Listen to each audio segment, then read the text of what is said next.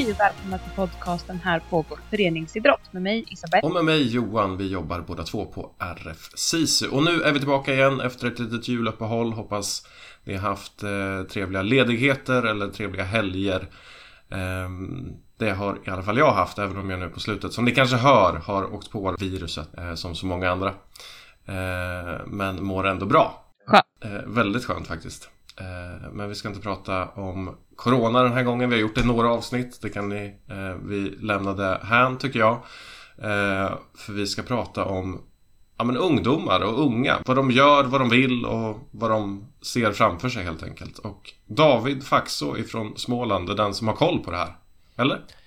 Ja, kanske. Eh, eller i alla fall den jag har pratat med som har eh, koll på det. Eh, för jag har ju eh, som eh, brukligt genomfört en intervju eller ett samtal med en gäst eh, och det är ingen mindre än Sara Fröling Lind, eh, anställd på Ungdomsbarometern som gästar det här avsnittet. Och Ungdomsbarometern har ju bra koll på vad ungdomar gör, vill och hur man ser på framtiden. Trevligt och det är ju inte minst eh, intressant och kanske viktigt nu att höra vad de vill göra och eh, ämnar göra i framtiden eh, med tanke på coronan just och att vi har märkt att vi har tappat mycket inom idrotten bland annat. Eh, det kanske är svårt att starta upp eh, igen efter en ko coronapandemi. Man har haft en nedlagd, nedlagd verksamhet under lång tid. Eh, så det ska bli väldigt intressant att höra vad Sara har att säga om det. Ja, verkligen. För Ungdomsbarometern har ju gjort, som vi kommer in på, studier åt RF. Det gör man ju varannat år och har gjort så i tio år ungefär. Eh, sen till just den här senaste rapporten då, så har man ju gjort ett extra litet fokus på, på året som har gått och med pandemin och hur det har påverkat unga och deras eh, syn på hälsa, syn på träning, syn på rörelse och, och så. Så det är klart att att även om coronan inte är i fokus i det här avsnittet så är det väldigt svårt att komma runt eh, faktumet eh, att, att vi har, är i en pandemi och hur det har påverkat ungas syn på träning och hälsa. Mm, och om man vill titta lite mera på den här eh, rapporten så finns ju den såklart att eh, eh, kika på om man bara eh, helt enkelt googlar på Ungdomsbarometern 2021. Så man kan väl slänga in ett RF där också så hittar man ju definitivt rätt. Ungdomsbarometern gör ju studier åt andra och inte bara idrottsstudier så man kanske kommer snett, eh, kanske kommer in på någon, på någon annan av deras studier. Så lägg till RF, Riksidrottsförbundet, så kommer ni definitivt rätt.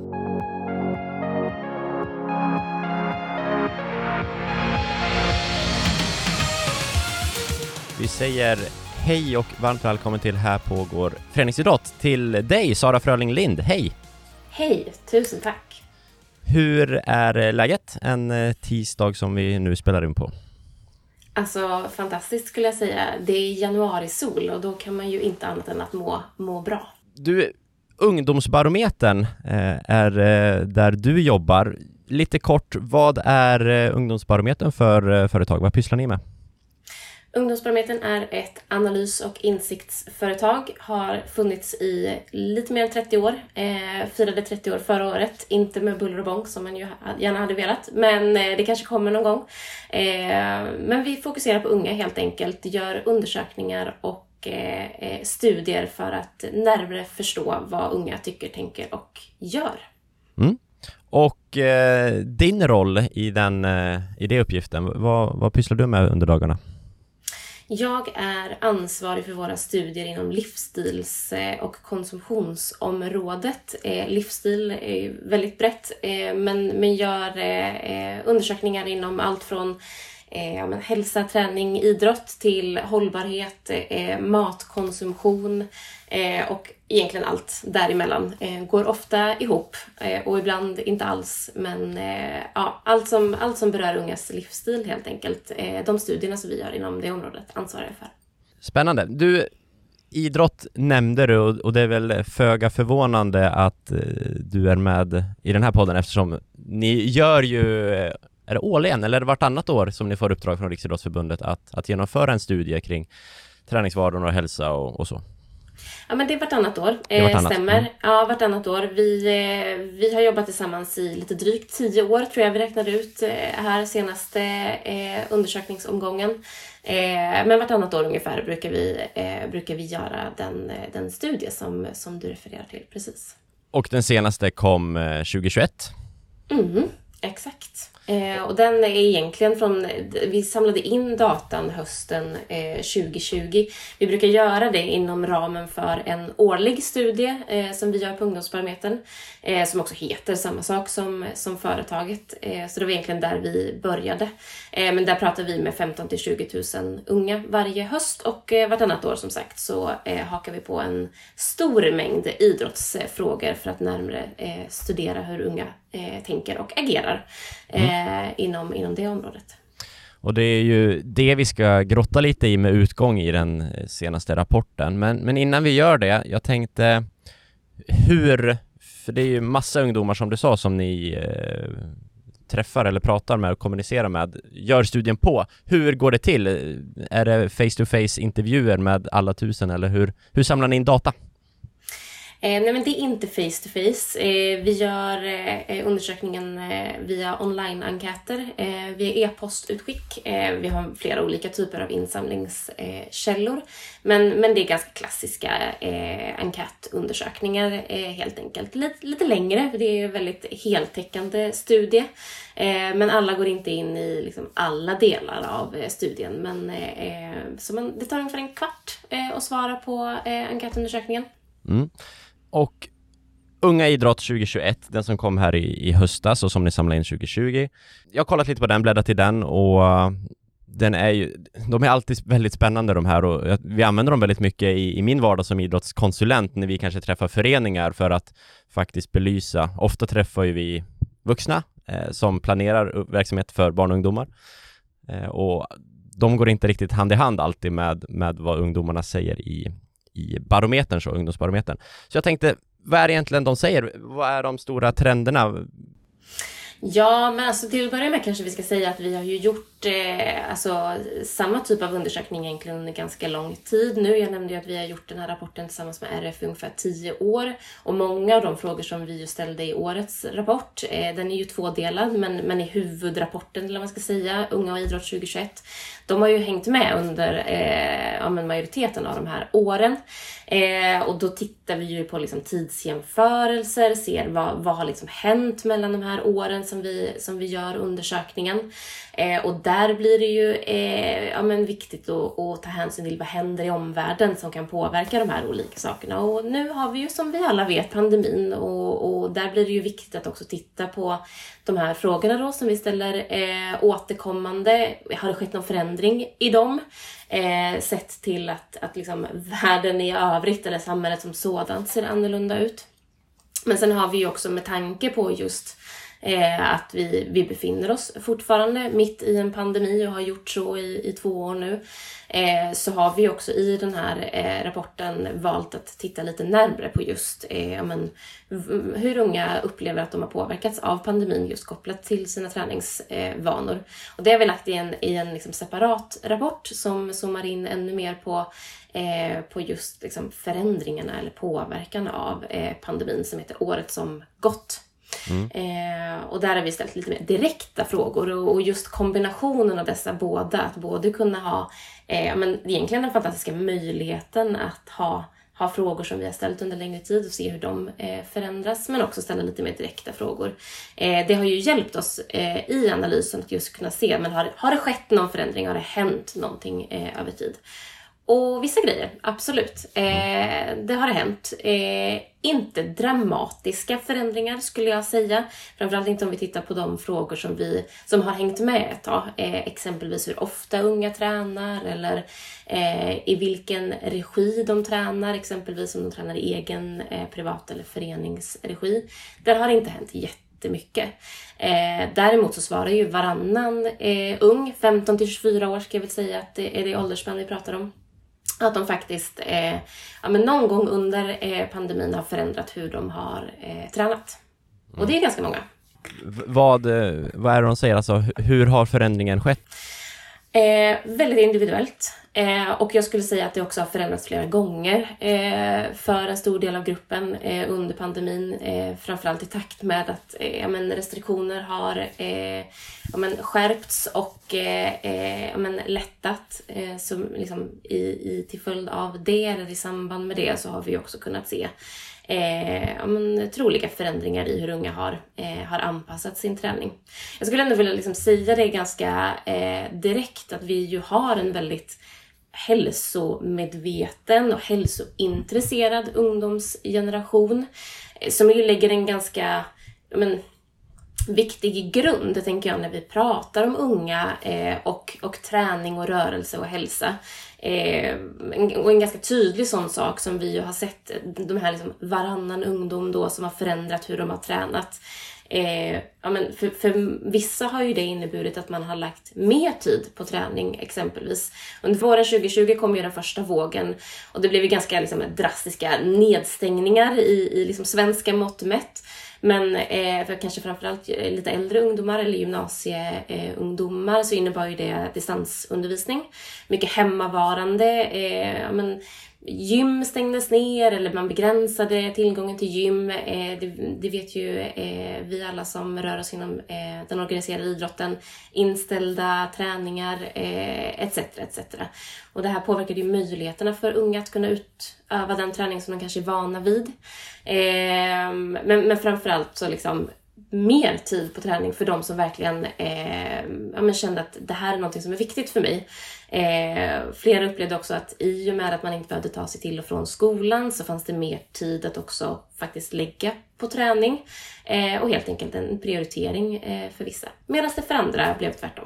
Och då tänker jag, man är mer hemma, man är inte ute och rör sig i samhället. Jag tänker att man kanske efter skolan eller så, att man har tagit sig direkt till en, till en träning och sen hem.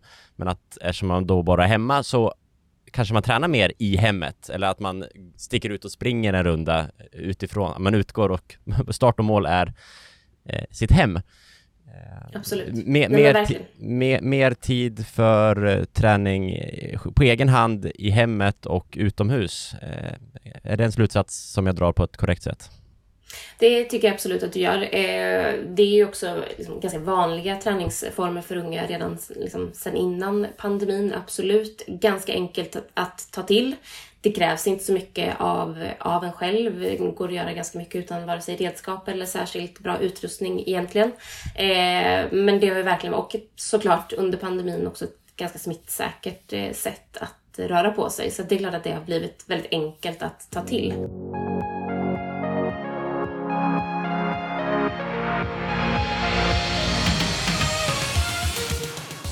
En annan slutsats ni drar i den här i den coronaspecifika delen av rapporten så är det ju att ungdomar saknar till viss del rutiner och att man eh, har uttryckt att man saknar gemenskapen och det tycker jag är intressant för att tittar man tillbaks på tidigare rapporter som ni har levererat genom åren så så går väl det mer och mer mot att man inte alltid vill binda upp sig. Jag vill träna tisdagkvällar klockan 19 utan att man vill vara mer fri och flexibel och komma och gå lite som man vill. Men när man har helt, de möjligheterna kanske har försvunnit under pandemin så vill man istället ha det. Eh, dina tankar om, eh, om den biten? Ja, vill man inte alltid ha det som man inte riktigt kan få? Nej, men eh, absolut, flexibilitet är jätteviktigt eh, för ungdomar eh, och kanske in, liksom, särskilt när det gäller träning. Det är inte, inte så konstigt att vi ser att de individuella idrottsaktiviteterna så som vi pratar löpning, eh, utegym, powerwalks, eh, men, styrketräning på gym etc. Det är de allra vanligaste idrottsaktiviteterna bland unga. Antingen som komplement till eh, organiserad idrott, föreningsidrott eh, eller som eh, huvudaktivitet. Ehm, att kunna liksom, styra och, och, och, ställa när man gör sin eh, träning själv, det är viktigt. Eh, man pratar ju ofta liksom, när man blir äldre, skaffar barn och sådana saker att här, man måste få ihop livspusslet. Men vi ser ju att det, det är jätteaktuellt även bland ungdomsgenerationen. Eh, även om man inte har hunnit bilda familj eller liksom har jobb eller så för den delen. Eh, det är en väldigt heterogen, mångfacetterad eh, generation med många olika intressen. Många olika saker som de vill hinna med under de 24 timmar som ett dygn är. Så att flexibilitet är absolut jätteviktigt och då, mm, ju färre personer eller tider man behöver anpassa sig till, ju mer man kan styra själv, ja, men desto enklare är det förmodligen för många att få träningen gjord. Eh, men precis som du eh, säger David så är det ju väldigt viktigt att få till de här rutinerna och vi ser ju eh, att trygghet är en sån sak som också är väldigt viktigt för den här ungdomsgenerationen. Eh, och, och pratar vi trygghet eh, så blir det liksom, en väldigt tydlig konsekvens av en ungdomsgeneration som växer upp med väldigt många olika valmöjligheter.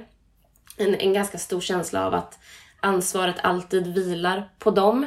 Eh, får man alltid frågan vad vill du? Och alltid känner att okej, okay, jag måste bestämma, det är alltid upp till mig.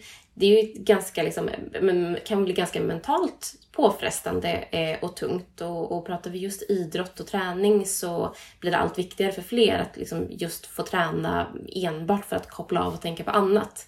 Och då kan ju lite fler riktlinjer, någon som guidar, leder lite om, om det handlar om träningstider eller vad vi faktiskt gör på träningen. Eh, det kan ju faktiskt underlätta eh, det, tänker jag. Så att flexibilitet, ja. Men inom vissa ramar kanske. Mm. Och, och, det är ju en, eh, om vi pratar till föreningsledarna så, så blir ju det, det är en av de svåraste nötterna vi har att, att knäcka egentligen. Eh, ungdomar vill ha flexibilitet och lite rutin och sen har vi ett, en verklighet att förhålla oss till med liksom kommunala halvtider och plantider och, och sådana bitar. Så, så, de här diskussionerna är ju, tycker jag som konsulent, är väldigt intressant att, att föra ute i, ja. i samhället, eller ute de i föreningarna. Jätte, verkligen, de är jätteintressanta och jag tror de är jätteviktiga. Och så här, jag skulle vilja skicka med att, att jag upplever att olika aktiviteter möter verkligen olika typer av behov.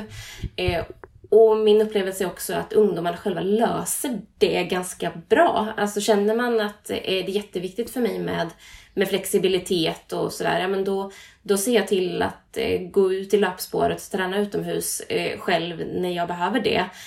Men jag kanske också är otroligt fotbollsintresserad och verkligen vill träna i, i lag. Ja men då gör jag det kanske också. Eh, eller vid olika eh, tillfällen beroende på vilket behov som är, som är starkast. Eh, och jag tror att en, en jätteviktig nyckel framåt i det här för föreningar och, och, och för liksom ledare är just att vara lyhörd.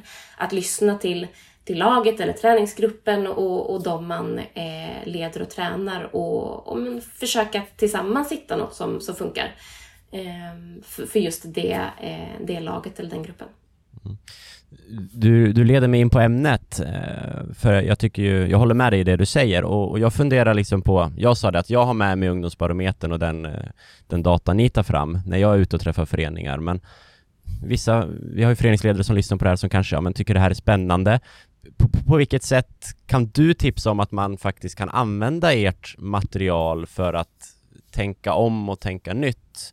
Är det liksom läs rapporten och ha en studiecirkel eller en lägergrupp eller hur, hur tänker du kring ert material som, som utvecklingsmaterial?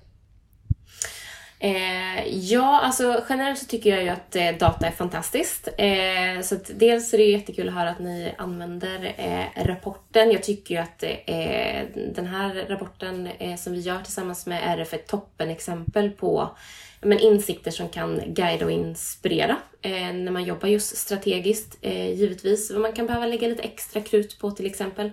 Eh, det jag tycker är styrkan med den här rapporten är just att vi tittar på unga generellt. Eh, att vi inte enbart tittar på unga inom föreningsidrotten utan att vi faktiskt eh, tittar på de som absolut föreningsidrottar mm, men också gör annat eller kanske bara gör någonting annat för att förstå föreningsidrottande ungdomar i relation till ungdomsgenerationen i stort.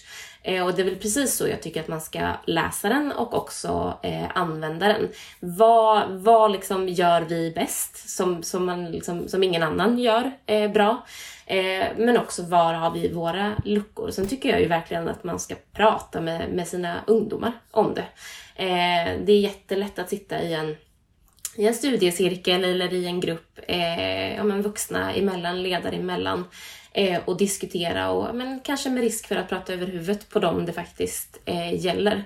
Eh, så att, eh, jag pratade om lyhördhet här alldeles nyss. Jag tycker att eh, men, dialog är väl det allra, allra bästa. Eh, prata, fråga. Eh, vad kan vi göra bättre helt enkelt? Eh, så, så att lära känna sin egen förening. Mm tiden, klockan eh, tickar, vi ska börja runda av. Jag hade gärna suttit och pratat eh, jättemycket mer om, det blev det mest pandemi, pandemirapporten som vi har Eh, belyst, även om du kommer in på lite andra större trender och så också. Eh, det finns jättemycket spännande att läsa och ta del av och som sagt, Ungdomsbarometern är väl paketerad, så förvänta er liksom inte en eh, vägg av text, ni som inte har tittat på den här, utan den är ganska lätt lättläst och lätt bearbetad så. Men innan jag släpper iväg dig Sara, är det någonting som men David, det här, din dumbom, varför har du inte frågat den här viktigaste frågan? Det är det jag vill skicka med till alla föreningsledare som lyssnar på den här podden. Är det, är det något sista så du, du sitter och klurar på? Nej, men jag tycker vi har varit inne på, eh, på de viktigaste sakerna. Eh, jag, jag skulle vilja eh, igen då, även om jag kanske har fått in det eh, lite ibland, men just att det är en det är en ganska spretig ungdomsgeneration när man gör den här typen av undersökningar och studier. Jag tycker att eh, alltså jag, jag, är otroligt stolt över den här rapporten och också tidigare rapporter vi har gjort eh, tillsammans med RF. Men vi tittar ju också på unga som en och samma grupp i den här rapporten och det är svårare än någonsin att göra det idag skulle jag ändå vilja säga just för att vi har en så otroligt heterogen ungdomsgeneration. Det är viktigt, kanske viktigare än, än någonsin tidigare att vill man förstå hur det fungerar inom sin egen förening eller idrott eh, eller för den delen ett enskilt eh, lag så tror jag att det är eh, väldigt viktigt att just zooma in och försöka lära känna sina egna ungdomar och vad driver just oss och när funkar vi som bäst tillsammans? Och just att vara lyhörd och skapa dialog tror jag, tror jag är väldigt viktigt eh, för att eh, ja, men, eh, utveckla eh, ja, men, idrotten eh, framåt. Mm. så det skulle jag ändå vilja trycka lite på. Jag tror att det är, det är en viktig nyckel framåt. Vad bra. Kloka slutord Sara. jag är väldigt, väldigt glad och tacksam att du ville vara med i vår podcast och innan vi släpper tillbaks till studion som vi har så har ju, vi slutar ju alltid våra podcaster med att fråga dig som gäst om har du något tips på en person som du tycker att eh, vi borde intervjua eller som vi borde ha med i den här podcasten framöver? Ja, men jag kanske inte har en specifik person, men någonting som eh, jag ser och som vi ju också just med anledning, anledning av hur unga eh, tränat under pandemin och som vi ju ser eh, att de påverkas av generellt eh, i livet och kanske inte minst när det gäller eh, men, träning och hälsa framför allt. Det är ju influencers eller olika profiler i sociala medier och eh, eh men hur de väljer att profilera eh, träning, olika typer av eh, program eller för den delen en, en väldig wellness eh, ja, men atmosfär. Och här tänker jag att det vore så intressant att få lyssna till ett samtal om just den här påverkan som de ändå har på ungdomars eh, hälsa och eh, eh, träning. Till exempel att prata med eh, tidigare elitidrottare som nu ja, men, eh, gör liksom, eh, karriär, är väl kanske dramatiskt att säga, men, men ändå har en väldigt tydlig träningsprofil på, eh, på Instagram exempelvis med influencerprofiler som kanske inte nödvändigtvis har en idrottsbakgrund men som som också påverkar eh, ungas träning och hälsa. Det vore intressant att lyssna till ett sånt samtal tycker jag. Mm. Eh, verkligen. Mm. Superbra tips, jag tar med mig. Jag har redan ett par namn i mitt huvud men jag droppar dem inte här. Men vi, vi tar med dem mm, till ritbordet så får vi se var vi landar. Sara Frölling Längd, Ungdomsbarometern, tusen tack för att du ville vara med. Tack snälla.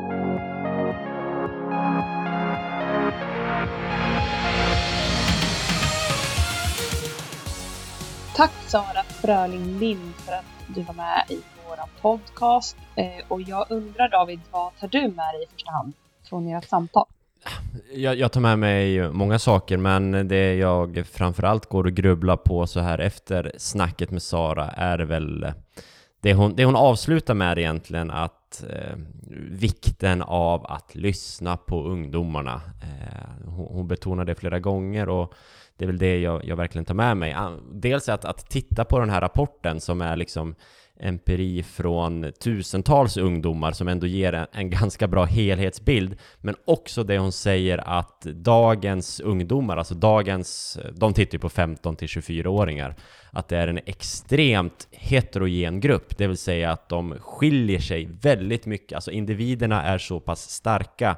Eh, det är svårt att stöpa en ungdom i, i likadana former. Vi är inte kloner av varandra eller vi, jag är 28 så jag får väl inte vara med där, men de eh, är eh, inte kloner av varandra. Så bara för att den generella bilden säger en sak i ungdomsbarometern så är det också viktigt att man pratar med sin träningsgrupp eller sitt lag eller vad man nu har för roll eh, i idrottsföreningen. För att det kan skilja sig lite mot, mot den ja, totala gruppen så att säga.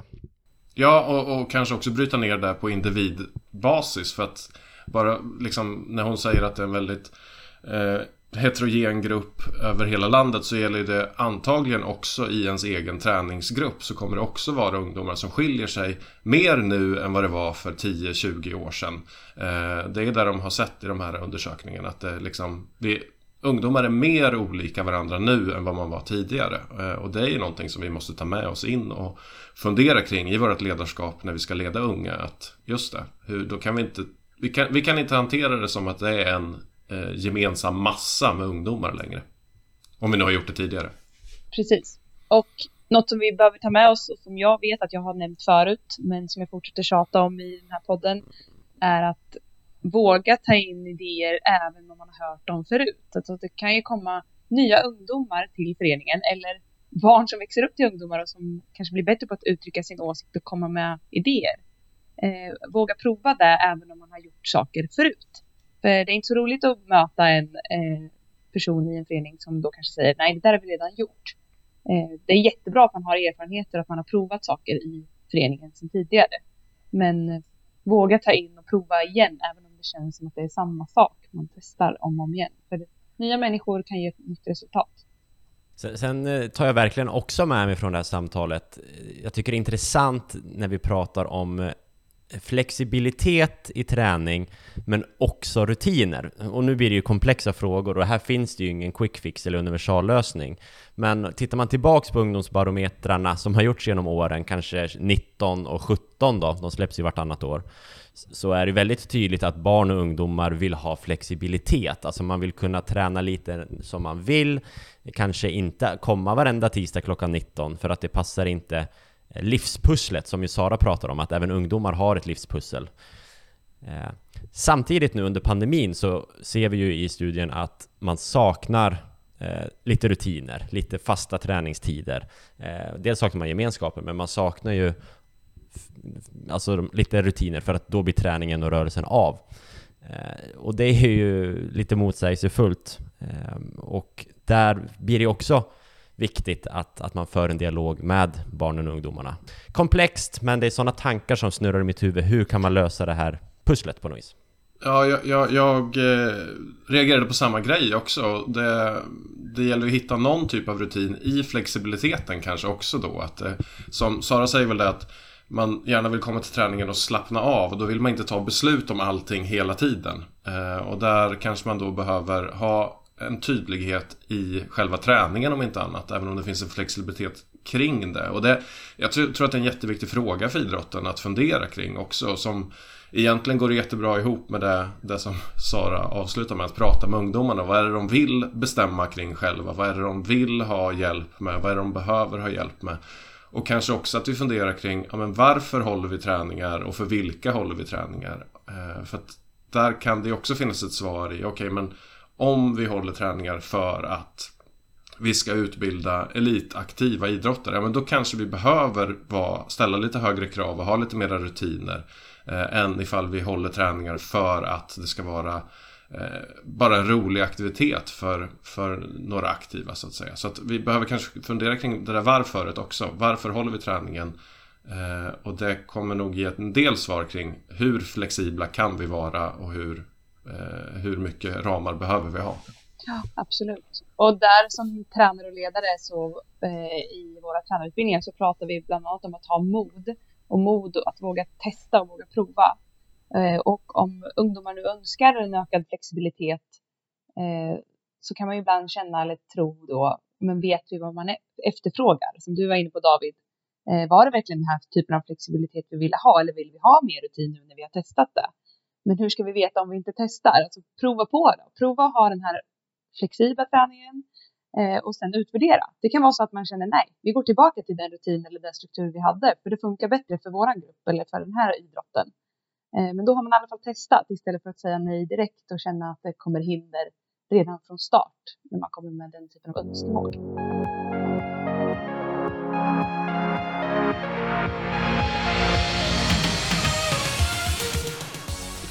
Du har lyssnat på ett avsnitt av podcasten Här pågår föreningsidrott som görs av RF SISU. Den här veckan så har vi pratat om Ungdomsbarometerns undersökning som vi har gjort tillsammans med Riksidrottsförbundet. Och vill du ta del av den undersökningen eller andra undersökningar som Ungdomsbarometern har gjort så kan du gå in på ungdomsbarometern.se. Vill du istället komma i kontakt med oss som gör podden så gör du det enklast via vårt Instagramkonto. Där heter vi Här pågår föreningsidrott ihopbundet i ett ord. Eller så kan du mejla till podd rfsisu.se. Vi är tillbaka igen med ett nytt avsnitt om två veckor igen och så fortsätter det mönstret under hela våren. Hoppas vi hörs!